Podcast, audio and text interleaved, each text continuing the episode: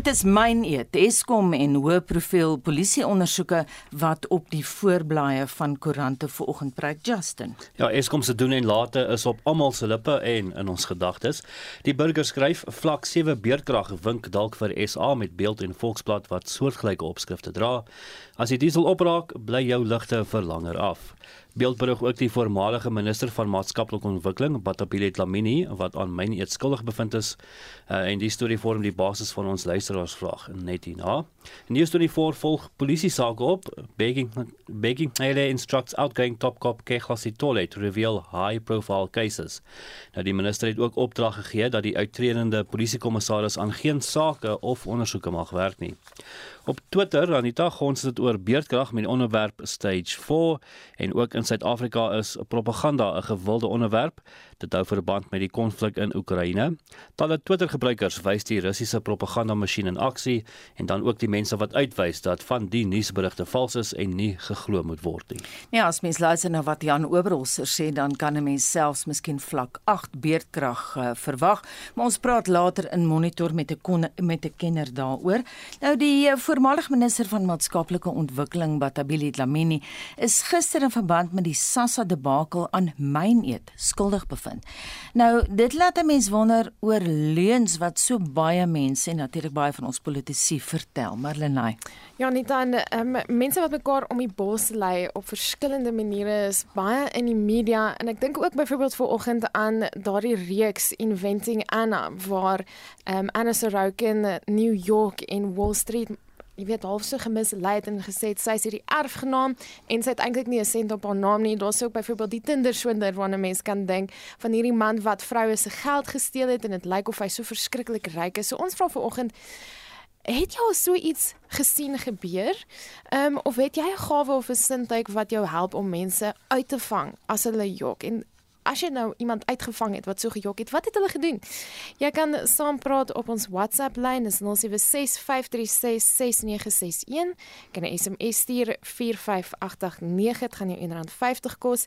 Kan ook 'n inskrywing op ons Monitor en Spectrum Facebookblad gaan maak. En nou ja, bly ingeskakel laat jou sê sê ons sê, sien ons het reeds terugvoer Marlenae op ons Facebookblad ook daaroor. Ja ja ja, Lori Grywenstein sê hy het bykans 42 jaar ervaring in die regsbedryf. Hy was 'n speurder, staatsaanklaer en hy het in die landdroshof gewerk. Hy sê ek gee nie om hoeveel ervaring 'n persoon in die beoordeling van mense se geloofwaardigheid het nie. Dis onbetroubaar en ek kan vir jou honderde voorbeelde gee. So laat weet ons wat dink jy. Nou ons bly by die myn eet storie. Die nasionale vervolgingsgesag eis intussen dat Lamini tronkstraf moet kry nadat sy in verband met die Sassa debakel aan myn eet skuldig bevind is en die saak het met haar getuienis tydens 'n ondersoek oor die maatskaplike toelaagkrisis van 2017 te doen. Ons praat nou met ons spesialis verslaggewer Saya van der Walt. Môre Saya. Goeiemôre Anita. Saya, wat presies was die uitspraak? Wel, uh, Anita, as ek 'n bietjie agtergrond kan gee oor waar waarvandaan dit kom. Soos jy gesê dit het um, te doen met die 2017 SASSA fiasco. Nou in 2018 het die grondwetlike hof 'n ondersoek ingestel na die sogenaamde fiasco. Um die ondersoek was dan deur geloods deur of onder die leierskap van regter Bernard Ngwepe. En um op daardie stadium het die ondersoek veral gefokus op Lamini se rol en verantwoordelikheid om te verseker dat um SASSA behoorlik in staat was om die maatskaplike toelaag maandeliks te betaal. Nou SASSA moes die betalings behartig nadat um daar 'n ongeldige kontrak met Cash Pay Master Services beëindig is. En Ngwepe het in sy verslag bevind dat die minister nie um nie net haar rol of haar haar verantwoordelikheid versuim het nie, maar sy het ook versuim om bepaalde inligting aan die hof bekend te maak. So want sy was bang dat sy um persoonlik verantwoordelik gehou gaan word vir hierdie fiasco en vir hierdie vir hierdie krisis wat ondervind is rondom die maatskaplike toelaat. Nou vervolging is ingestel, sy het vir hierdie jaar September die eerste keer in die hof verskyn. Ehm um, sy het toegesê die dat die in die hof gevra om die saak tersyde gestel, want sy het gesê sy het nie glad nie onder um, onder eet het sy gejok of valse getuienisse gegee nie. Maar gister soos jy genoem het, het die landdros Betty Komalo in Johannes, Johannesburg se landdros haar skuldig bevind en gesê die staat het bo enige twyfel um, en enige redelike bo enige redelike twyfel sy saak teen Lamini Zuma bewys ag dit Lamini bewys ek sê nou Lamini Zuma dis Lamini bewys en bevind dat sy wel skuldig was aan my neet. Sê vir wat gebeur nou volgende? Wel op 1 April gaan sy um waar vonnig vonnisoplegging kry. Um sy is dan weer terug in die hof om te hoor wat met haar gaan gebeur. Soos sy self gesê, die staat vra nou dat sy tronkstraf kry haar span het gevra dat sy net 'n klein boete moet betaal as gevolg van die feit dat sy um, in 'n baie finansiële of 'n groot finansiële krisis is. So op 1 April gaan ons dan hoor wat is haar um, wat is haar toekoms en wat hou die toekoms vir haar in. Baie dankie dit aan ons spesialis verslaggewer Shaya van der Walt. Die Wes-Kaapse minister van Landbou, Ivan Meyer, sê die voortsleepende konflik tussen Rusland en Oekraïne het 'n nadelige uitwerking op die landboubedryf in die provinsie. Hy sê 'n stygings in die olieprys en 'n tekort aan kunsmis weens die konflik sal tot 'n verhoging in produksiekoste vir boere lei, kom in Augustus doen verslag. Meyer sê die markte in Rusland en Oekraïne dra by tot Suid-Afrika se buitelandse inkomste wat uit die uitvoer van landbouprodukte verkry word, met 'n aansienlike deel van hierdie produkte wat uit die Wes-Kaap kom. Suid-Afrika se landbouuitvoere na Rusland en die Oekraïne saam is in 2020 op 4,1 miljard rand gereken. Hy sê die Russiese inval in Oekraïne het die potensiaal om aansienlike ontwrigting aan landbouvoorsieningsketTINGS te veroorsaak en kan lei tot 'n stygings in pryse vir verbruikers. Die onmiddellike effek is die verhoging van die olieprys, die tekort aan kunsmis en die beperkings op die graaninvoere vanuit beide Oekraïne en Rusland. Die oorlog gaan ook druk plaas op landbou se insetkoste en voedselinflasie laat toeneem. Die Weskaap is die grootste landbouuitvoerstreek in Suid-Afrika en ons oorweeg tans alternatiewe uitvoermarkgeleenthede vir ons landbouprodukte vanuit die Weskaap. Die landbouorganisasie Agri Weskaap sê hy is bekommerd oor die verhoogde koste van kunsmis na mate die Rusland-Oekraïense konflik voortduur. Die bestuurshoof van die organisasie, Janie Strydom, sê dit het gelei tot verhoogde produksiekoste vir boere. Wat ons bekommer natuurlik is die impak op kunsmispryse, die impak op uh, oliepryse wat impakteer op brandstofpryse. Nie net vir die die primêre produsent as as insetkoste nie wat betref brandstof nie, maar ook die impak wat dit het, het op Eskom en hulle dieselverbruik wat dan kan aanleiding gee tot eh, 'n uh, beerdkrag ensovoorts. Ekonome sê verbruikers reg oor die wêreld, insluitend Suid-Afrika, moet hulle gereed maak vir die stygende koste van voedsel en brandstof as ook rentekoerse weens die voortsleepende konflik tussen Rusland en die Oekraïne. Die hoof van ekonomie aan die Universiteit Stellenbosch, professor Andre Roux, sê dit kan ook lei tot 'n stygings in inflasie produksiekoste dwars oor die bank is besig om toe te neem. Dit beteken die inflasiekoers wat reeds begin het om opwaarts te beweeg nog waarskynlik vinniger gaan opwaarts beweeg. Voeg daarbey die stygende voedselpryse as gevolg van uh, tekorte danksy die sanksies wat toegepas word teen Rusland en ons kry die voedseleffek op inflasie. Wat beteken rentekoerse gaan waarskynlik vinniger en meer gereeld toeneem as wat ons verwag het. Dis nie goeie nuus vir enige verbruiker nie. Verbruikers word aangeraai om onnodige besteding te verminder om die impak van hoër koste te versag. Ek is Kobben August in Kaapstad. 'n Professor in internasionale betrekkinge aan die Universiteit van Johannesburg, Sipamandla Zondi, sê die verskaffing van wapens aan Oekraïne kan die oorlog met Rusland uittrek. Volgens statistiek van die VN het die oorlog reeds die lewens van sowat 1300 burgerlikes geëis. Hendrik Martin net meer.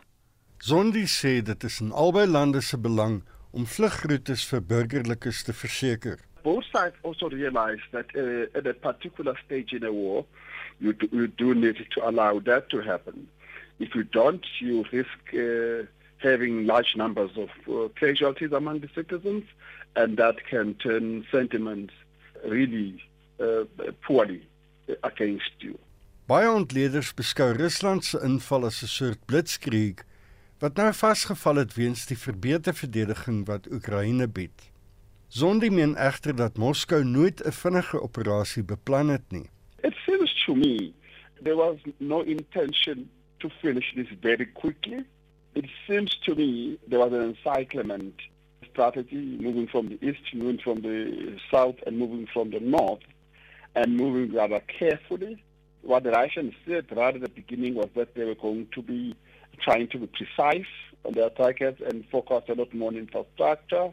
And uh, it seems to me that they have really done that, and it's really a tragedy. Uh, the infrastructure that has been destroyed is huge. I know the Ukrainians have also destroyed their own infrastructure to make it difficult for the for the Russian forces to enter certain cities. Uh, but the country is, is really in ruins, and this will have a terrible effect on citizens. Ten spyte van die president Volodymyr Zelensky se vasberadenheid om tot die bitter einde te veg, meen Zondi dat hy dalk groter sukses by die onderhandelingstafel sal bereik. I think we are making a mistake in the process by trying to turn Zelensky into a warrior and almost invite him to keep focusing on the war that he cannot win instead of a negotiation table where he can win. Zondi sê ten slotte dat dit vir Oekraïne 'n hopelose konflik is met geen vooruitsigte op 'n oorwinning nie. Very worried about the fact that now 20 countries have promised to supply even more weapons.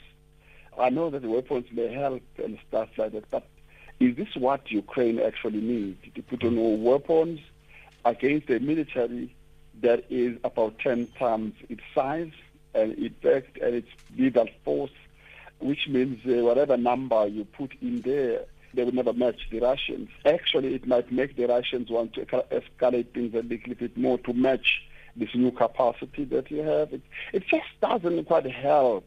So, and I saw this, a, a statement by one of the former U.S. generals was saying that this actually creates even more problems because now they're supplying planes, but they're not supplying new pilots.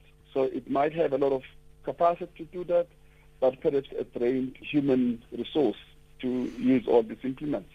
Dit was 'n professor in internasionale betrekkinge by die Universiteit van Johannesburg, Sipa Mandla Zondi. Ek is Hendrik Martin vir SAK nuus. Intussen het Marlenae ingestap met nog terugvoering van jou die luisteraar. Wat sê mense Marlenae? Ons vra vanoggend of jy kan agterkom wanneer iemand jou 'n rat voor die oë probeer draai. Het sy in jou persoonlike lewe, het sy op professionele vlak? Nou hier's reeds 'n luisteraar wat saamgesels op ons WhatsApp um lyn.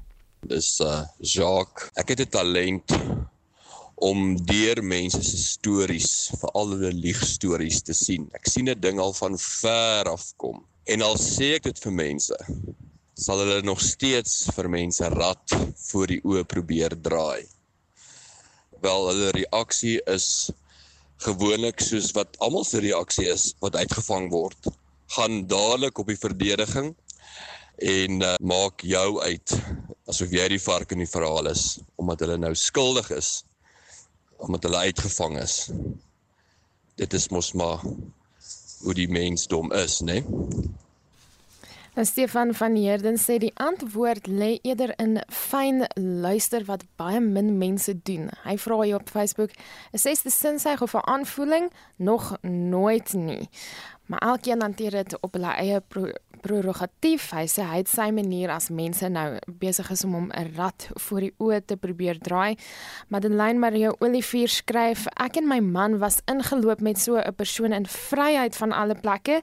Meneer was so geloofwaardig en glad met die bek, maar is weg."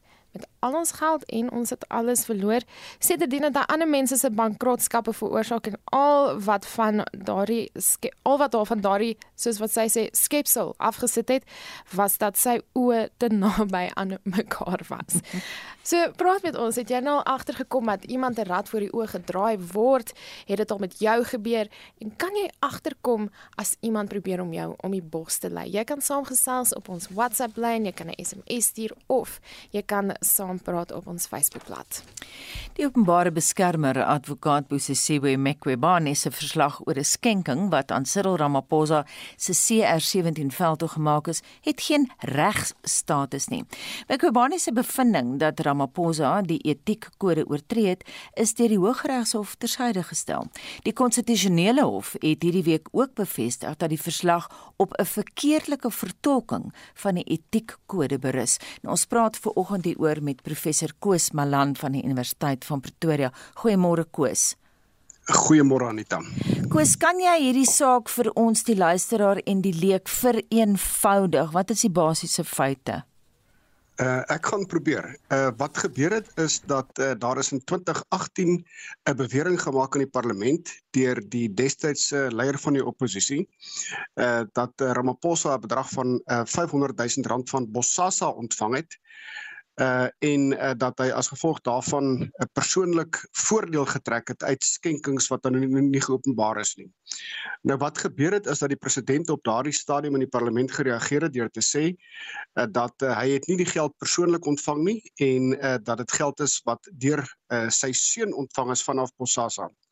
Later egter het dit in die lig gekom uh, dat 'n uh, bedrag van 500 000 rand, die betrokke bedrag van 500 000 rand, uh, inderdaad nie aan sy seun betaal is nie, maar oorbetaal is aan die CR17 veldtog in aanloop uh, na die uh, leiersverkiesing van die ANC vir die ANC leierskap by die uh, ANC uh, kongres by Nasrek uh, in Desember 2017 uh, wat uh, Ramaphosa egter daarna gedoen het was om aan die speaker speaker te skryf en dit in die parlement te openbaar uh, en te sê dat hy inderdaad onder 'n wanindruk was uh, en dat hy nou die saak regstel uh, en, en die ware feite inderdaad oordra. Nou dit het gelei tot 'n verdere klag uh, by die um, by Nkwebane by die openbare beskermer uh, dat hy die president sou mislei het uh, dat hy die parlement sou mislei het. Nou wat gebeur het is dat die president klaarblyklik nie die parlement opsetlik mislei het nie. Uh trouens uh, al die feite dui daarop dat dit nie opsetlik was nie, uh, veral die feit dat hy uh, onmiddellik nadat hy begryp het, besef het wat die daadwerklike feite was, dit aan die spreker en éventueel aan die parlement openbaar het. Wat uh Nkwebane egter gedoen het was om in weerwil van die feite uh, wat daarop gedui dat daar geen opset aan die kant van die president was nie nogtans sodanige bevinding te maak. Dit was klaarblyklik verkeerd. Uh, uh wanneer 'n uh, enige besluitnemer vir alle senior besluitnemers soos openbare beskermer 'n bevinding maak, dan moet dit dit in die aard van die saak ondersteun word deur die getuienis. En in hierdie geval word dit nie ondersteun deur die getuienis nie. Inteendeel, sy het egter nogtans die fout gemaak. Nou dit uh, is in pas met herhaalde flagrante foute wat die openbare beskermer oor die afgelope 4, 5 jaar sedert sy in die posisie is gemaak het, waarop die grondwetlike hof inderdaad ook uh, later in die uitspraak kommentaar gelewer het dat jy eintlik 'n patroon het van flagrante foute wat die uh, openbare beskermer maak wat eintlik 'n groot vraagteken plaas uh, in die algemeen oor haar bekwaamheid. En ek dink dit is heeltemal korrek dat die grondwetlike hof dit inderdaad aan die lig gebring het. Hmm. Uh mens hoef nie 'n ondersteuner of 'n uh, opponent van die president te wees nie uh om in hierdie geval saam te stem met die grondwetlike hof dat daar klaarblyklik geen opsetlike leenagtigheid aan die kant van die president was nie. Nou ek moet sê uh, Koos, jy's nie die enigste regskenner. Ek wil gaan 'n ander vraag toe ook, so ek gaan jou kort knip. Ja. Jy is nie die enigste regskenner wat verwys na die feit dat sy al flagrante foute gemaak het in uitsprake nie. Ek dink nou aan Llewellyn Koloos ook. Maar ons het nou ja. vroeër koes, ek weet nie of jy geluister het in daai onderhoud met sy of van der Walt nie. Sy het nou gesê weet mense wil hê sy moet tronkstraf kry. Haar eie span sê nee wat sy met 'n boete opgelê word. Hoe voel jy?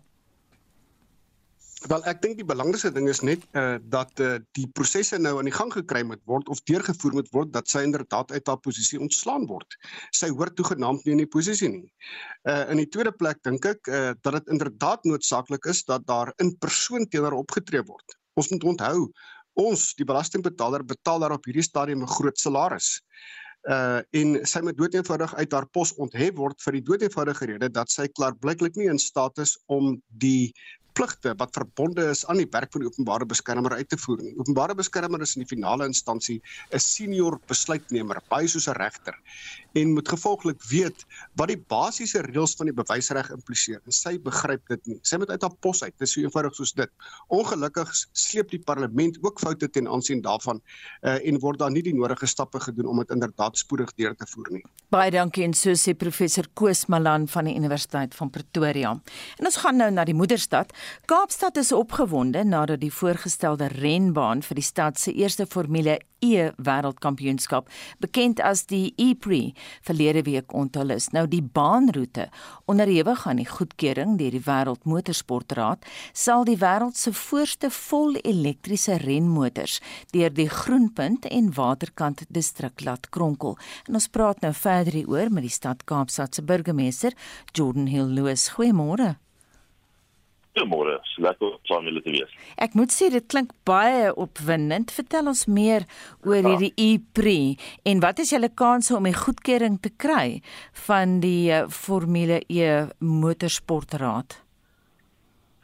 Ja, soos ons dit verstaan gaan dit uh, definitief uh, goedgekeur word in die vergadering in in Julie maand in in Rome, uh, dink ek. En ons is vreeslik opgewonde dat dat die stad Kaapstad in die Formule E wêreldkampioenskap gaan nou deelneem volgende jaar. So ons gaan ons uh, eerste reis volgende jaar april maand of maart maand uh, plaasvind. En uh ja, dis dis wonderlik nuus vir die stad Kaapstad. Dis miljoene mense as die wêreld wat dit kyk en dis dis een van die mooiste uh, baanroete in die wêreld. Hulle hulle hulle die die, die uh, plaasvind uh, in Rome, Tokyo, man, man, die moesten definitief kapt uh, wees uh, die punt in in punt. Dit lyk my jy breek 'n bietjie op daar Jordan, miskien moet jy na 'n ander deel van jou woonstel of huis beweeg. Net 'n laaste vraag. Jy het nou gesê is wonderlike nuus vir die Kaap, natuurlik uh, baie interessant vir toeriste ook wat wil kom kyk, maar in terme van ekonomiese geleenthede, gaan daar werkskepping by betrokke wees? Ja, natuurlik. Daar gaan uh, ten minste ons moet ons, ons moet eers uh, naby 50 miljoen rand se opgradering van paaie in die baanroete doen oor die volgende jaar. Dit begin onmiddellik. Ehm um, en dan kom daar duisende mense Kaapstad toe vir die week van die uh van die uh die kampioenskap. En dan is daar miljoene uh, meer as 10 miljoen mense wat wat die wat dit kyk op op TV oor as die wêreld.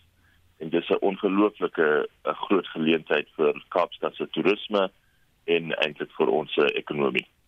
Baie dankie en sterkte met die projek dit dan eh, die stad Kaapstad se burgemeester Jordan Hill Loos. Statistieke Suid-Afrika het gister sy verslag oor armoede en geluk bekend gemaak. 'n Subjektiewe studie is gedoen waar tydens respondente vrae moes beantwoord oor hoe hulle hulle eie ekonomiese welstand beoordeel. En ons praat nou vanoggend daaroor met die onafhanklike ekonom Ulrich Huber. Môre Ulrich? Môre Anita. As 'n mens sê geluk in ekonomie, dan weet mens nie altyd of die twee saamgaan in Suid-Afrika nie. Maar wat was die bevindinge van die verslag?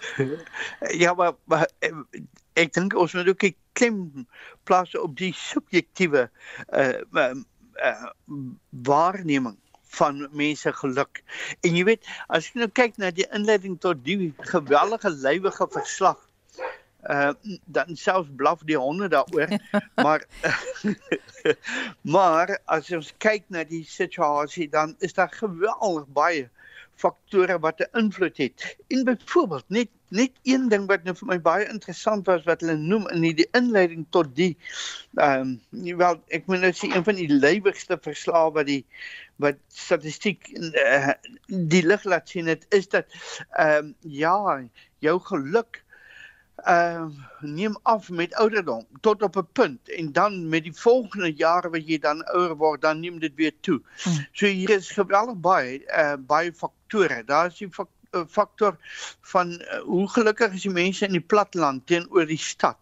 Ehm um, en ehm um, met opleiding teenoor minder opleiding. En ja of jy getroud is of jy 'n man is uh of so is geweldig baie faktore. En ehm um, ja oor die algemeen kan mense sê dat uh, hulle bevinding was dat die ouens wat in die plattelandse gebiede bly is minder gelukkig as die wat in die stad bly. En uh, daar is seker meer werksgeleenthede daar's meer geleenthede om daarmee inkomste te verdien nou ek het ek self het baie keer 'n probleem daarmee dat as ek kyk na die mense wat in die plattelandse gebiede van Suid-Afrika leef, dan kan die mense vir homself 'n uh, uh, skaap of 'n bok of 'n beeste of 'n hoender aanhou in 'n paar mielies plant wat hy nie kan doen as hy in 'n plakkerskamp in die stad sit nie. En dan mm. wonder ek, wie is die gelukkigste met die hoeveelheid geld wat hulle in hulle besit het. Ehm um, so hier is die subjektiewe aspek van hierdie verslag moet mense altyd in gedagte hou, maar ek dink terselfdertyd die verslag bied vir mense wat nou seker navorsing wil doen 'n 'n goeie beginpunt om te gaan kyk na hierdie situasie van hoe gelukkig kan mense nou wees uh, in 'n uh, in die Suid-Afrikaanse opset. En veral nou, ek sien mense sê hulle is meer ongelukkig as 10 jaar gelede, Ulrich? Ja.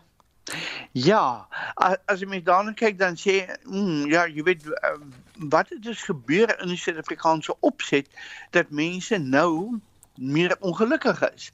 Nou as ek net dink die faktore wat op die oomblik op die Suid-Afrikaanse gemoed moet inspel, die politieke onsekerheid en nie net binne in Suid-Afrika nie, maar in die wêreld. Wat se effek het dit op ons gemoed?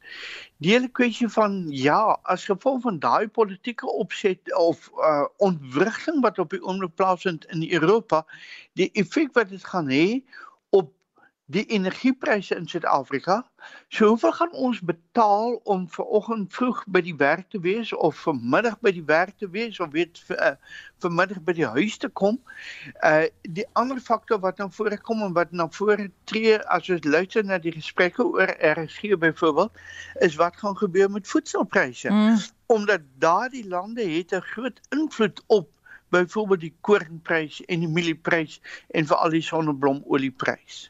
So uh, hier is 'n klomp faktore wat op die oomblik nog weer inspel en ek het net gewonder as hierdie verslag nou weer saamgestel moet word.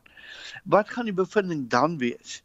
Omdat soos ek gesê het, uh, wat wat vir my interessant was is die subjektiewe uh, aspek wat na vore tree. So ek kan sit op 'n op op my kluit hier waar ek bly en ek kan sê, mm, jy weet, ek het 1000 rand 'n maand en ek is doodgelukkig en die volgende ou wat jy kan sit sê, maar weet jy my omstandighede verskil so dat 1000 rand 'n maand maak geen verskil aan my nie. Mm.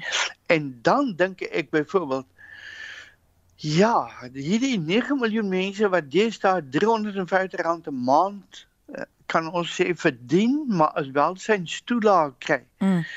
Uh, ek het nou eendag vir iemand gevra nou maar hoe baie mieliemelk so ek kon koop vir 350 rand. Uh en hoe gelukkig kan ek dan regtig wees in hierdie situasie? En nou as ek niks het nie en ek kry 350 rand, dan sê ek, mm, jy weet dit is seker beter. Mhm. Mm Die verslag het uh, blootgelê dat 57% van Suid-Afrikaanse huishoudings arm is. Nou jy self ja. het verwys na die subjektiwiteit van die verslag.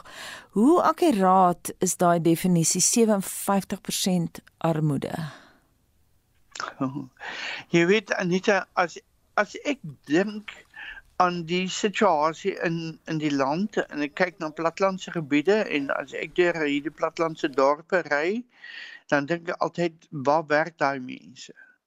Uh want hulle kan nie in hierdie dorp bly as ek sien die massa mense wat dikwels rondom 'n dorpie bly rondom 'n stad bly in 'n plakkers kan bly En dan wonder ek baie keer uh, as mense vir my in die platlandse gebiede sê maar jy weet hier in ons omgewing is 70% van die mense eintlik werkloos.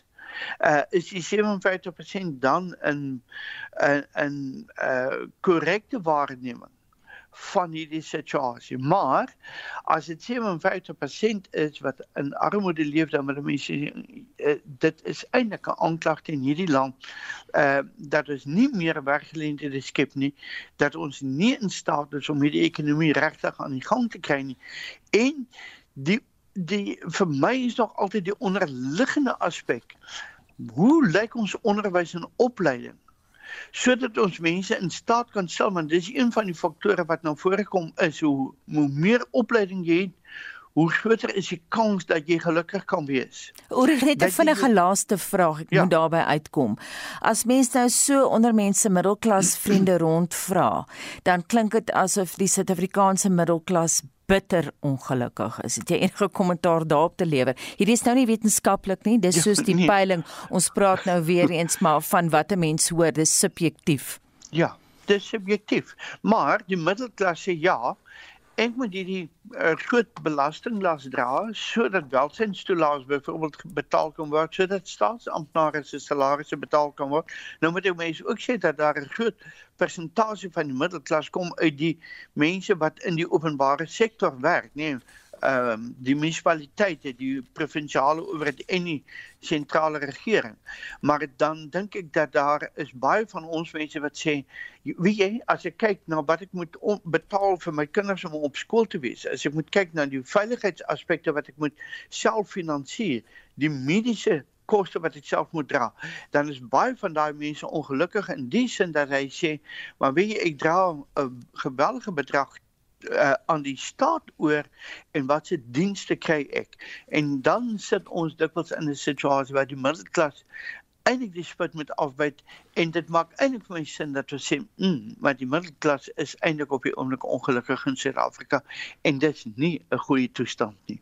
Baie dankie en so waarskynlik die onafhanklike ekonom Ulrich Juber. Die stad Kaapstad het maandag aangekondig dat hy 'n skenking van die FSA se Agentskap vir Internasionale Ontwikkeling, USAID, ontvang het en dat die geld gebruik sal word om beerdkrag in die munisipaliteit te beëindig. Die stad se burgemeesterskomitee lid vir energie, Beverly van Reenen, sê daardie geld sal gebruik word om hernubare energiedienste in die stad te bou. Natuurlik, ek baie opgewonde oor hierdie skenking en natuurlik is dit ons tweede skenking.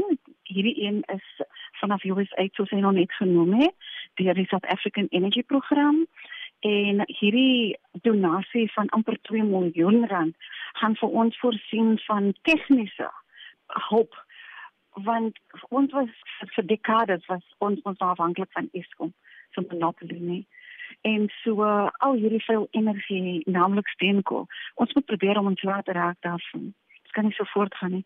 En so hierdie kennisse wat tot vanaf dwars oor die wêreld gaan kom om ons te voorsien van tegniese kennisse en ook konsultasie.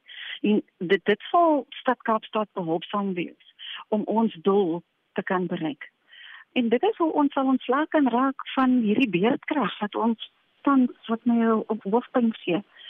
Stad Kaapstad is regtig um, op 'n missie om ons te raak van beerdkrag en ons moet alles in ons vermoë doen as stad Kaapstad om seker te verseker dat ons kliënte ook die gemeenskappe binne stad Kaapstad dat hulle skoon energie kry en ook goedkoper energie. So hierdie is net een stap nader aan dit wat ons as stad Kaapstad graag wil bereik. En hoe gaan die skenking aangewend word vir kragopwekking en om beerdkrag te verminder? Ons benodig natuurlik al die kennis so hierdie bystand nê nee, wat tot die waarde van 2 miljoen rand omtrent is sal die stad se pogings in die rente en hernubare energie bespoedig en ook die diepte verleen. So die tipe werk en en bystand sal ons as stad Kaapstad in staat stel om 'n aantal projekte te implementeer. Beverly, watter tipe hernubare energieprojekte beplan die stad in Atlantis en in Pardevlei? Ja, soos op die oomblik is ons besig en natuurlik soos ons sê, sê, dit is in die beginstadium En so hierdie Atlantis Solar PV byvoorbeeld, is ons nou mee besig soos ek genoem het in Atlantis. En reeds omdat hierdie so sulke tegniese projekte is, het ons al hierdie hulp nodig. En dan natuurlik in Paardevlei kom ek sê gewoon, ons gaan ook die pre-feasibility study dit sal ons behulpsaam wees um, met hierdie hernubare energie fasiliteit in Paardevlei, Paardevlei natuurlik in Somerset West. En dan het ons ook al hierdie hulp nodig rondom hierdie IPP procurement program wat burgemeester uitgerol het. En ja, so al hierdie goed is tariewe design vir hierdie IPP program so al hierdie USAID donasies sal vir ons net nader bring na dit lekker dat ons net kan ontslaa raak van hierdie beerdkrag. Um regtig waar jy sal glo stage 4 ek is regtig ontstel. En dit nadat NERSA 10% verhoging toegelaat het. Belaglik. Gaan ons baie meer betaal vir absoluut geen krag of baie minder krag. Soos kan maar sê die die metro wil dan nou in die toekoms minder afhanklik wees van Eskom en meer fokus op hernubare energie. Hernubare energie, dit is waar ons is op pad daarheen en stad Kaapstad sê absoluut. Ons sal hê ons gemeenskappe ons kliënte baie minder betaal vir krag. En so ons is op pad om stad Kaapstad met hierdie nuwe hernubare energieprojekte wat ons wil aanwend om baie beter tariewe en aan ons kliënte um, bekend te stel. En so beloof die stad Kaapstad se burgemeesterskomitee lid vir energie raadslid Beverly van Reenen en Vincent Mofokeng het daardie onderhoud met haar gevoer. En daai pleidooi van Justin en van Justin gaan ons na Marlenae wat nog steeds ons SMS en ander terugvoering vir ons moniteer. Wat sê luisteraars Marlenae? Ons vra vanoggend of jy kan agterkom wanneer iemand probeer om jou om die bos te lei. Nou Aletta Stander sê ek weet net as mense vir my lieg en ook as hulle nie van my hou nie want as ek in die vertrek instap, dan voel ek so vibe. Dis goed of is minder goed. So sy sê dis 'n tipe gawe wat sy ontvang het daar. Maar op die SMS lyn skryf iemand 'n oud kollega van my is binne 'n maand verloof en 2 maande getroud met 'n man wat voorgegee het hy's 'n advokaat, maar sy is nou al vir 15 jaar die broodwinner. So dit kan nie maklik wees nie. En op WhatsApp praat mense ook saam oor hoe dit voel om uitgevang te word en ons ook 'n lekker vergelyking hoor 'n bietjie hier. Ons is 'n klomp mense wat ingeloop is deur 'n vrou van Brits wat mense se lisensies vir hulle hernie. Sy het duisende rande gesteel almal van ons sit raad op. My dogter het die talent om iemand gou-gou uit te vang. Maar as iemand my uitvang dat ek miskien 'n kleitjie verkoop het, dan lag ek. Dan weet hulle sommer klaar. Ja nee, ek het nou 'n kleitjie vertel. Dani hierso. Ek sien hierdie rad voor die oordraaiery gebeur baie keer binne in die werksplek. Dis eintlik amper of hulle strikke stel vir iemand anderste en as daai persoon in die strik stel, dan kan hy hardloop na die baas toe en vir die baas vertel, kyk wat maak daai ene, kyk wat maak daai ene. Mense wat strikke stel, amper of hy vis vang, hy gooi 'n lyn in en as hy 'n vis gevang het, hoe groter die vis, hoe blyer gaan hy wees. So hy maak vir hom 'n sakkie vol vis bymekaar. Gewoonlik sulke mense put vreugde uit ander se leed. En hulle is ook mense wat aan 'n vervolgingswaansin ly. Lekker vergelyking wat Dani daai het. So Het jy al iemand uitgevang wat soos hy hierso sê lokvalle stel en probeer visvang met die hoop dat iemand in daai lokval gaan trap of aan daai hoek gaan byt en hoe het hulle gereageer? Ek's nogal nuuskierig daaroor. Aletta het nou vir ons hierso gesê wat sy weet. Ehm um, so ons wil vanoggend by jou hoor veral na aanleiding van uh, die minister Batabile Dlamini wat skuldig bevind is aan myn eet. Kan jy agterkom wanneer iemand vir jou jok? Kan jy agterkom as iemand probeer om jou om die bos te lei? Het jy al iemand uitgevang en hoe reageer mense indien dit dan nou die geval is? Jy kan saamgesels op WhatsApp, jy kan vir ons 'n stemnota stuur na 0765366961. Jy kan 'n SMS stuur na 45889 onthou dit gaan jou R1.50 kos. Jy kan ook 'n inskrywing gaan maak op Monitor en Spectrum se Facebookblad. En dit bring ons by 7:00.